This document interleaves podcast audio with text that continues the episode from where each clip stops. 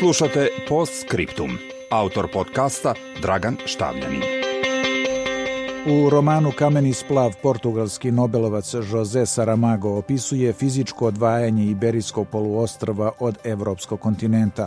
Svi su u panici i beže sa ostrva koje pluta okeanom. Zabrinut je i svet zbog njegovog nepredvidivog kretanja i mogućnosti sudara sa kopnom. Ova fikcija podsjeća na zbilju oko Brexita.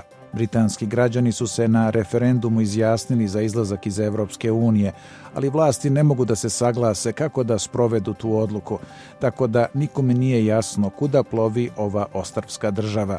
Beskonačna odugovlačenja i blokade u parlamentu pokazuju da sam Brexit nije uzrok trenutnih teškoća sa kojima se Britanija suočava, već je simptom njene mnogo dublje političke i identitetske krize te ambivalentnog odnosa prema Evropskoj uniji stanovnice Londona Francis i Sara. To je od početka spletka da se ospore rezultati našeg glasa. 48% ljudi se opredijelilo da ostane u Evropskoj uniji niko nije glasao za haos sa kojim se sada suočavamo.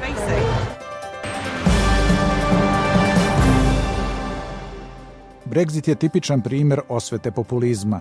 Prvo se odlučio poželjno, pa posle traži izvodljivo. To se dešava kada se predstavnici naroda pretvore u demagoge, kaže analitičar Vladimir Gligorov. Naime, situacija u kojoj se našla Britanija je daleko od obećanja pobornika Brexita. Niko 2016. godine nije pominjao mogućnost Brexita bez sporazuma ekonomskog pada, ugrožavanja teško uspostavljenog mira u Severnoj Irskoj direktor Britanske privredne komore Adam Marshall. Poručujemo Westminsteru, frustrirani smo i ljuti, izneverili ste britansku ekonomiju. Međutim, mi iz biznisa moramo jasno da predočimo da naši izabrani predstavnici ne mogu da jure drugu. U međuvremenu britanska premijerka Tereza May je zatražila od Evropske unije još jedno produženje roka za Brexit. Građani su glasali za izlazak iz Evropske unije i naša dužnost kao parlamenta je da to ispunimo. Želim da to uradimo na dobar način koji neće poremetiti živote ljudi.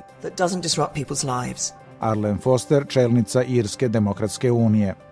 Prilično je ponižavajuće da moramo da molimo da bismo mogli da izađemo iz Evropske unije.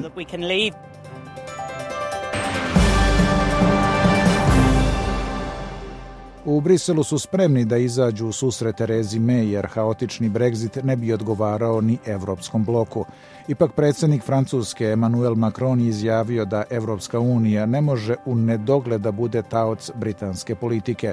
Francuski ministar financija Bruno Le Maire.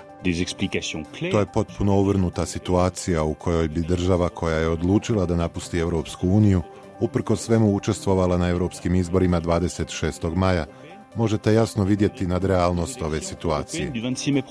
Očito je da će saga o Brexitu potrajati, čak i kad se postigne sporazum o izlasku Britanije iz Evropske unije ili ostanku u određenoj formi, treba da se utvrde njihovi budući odnosi.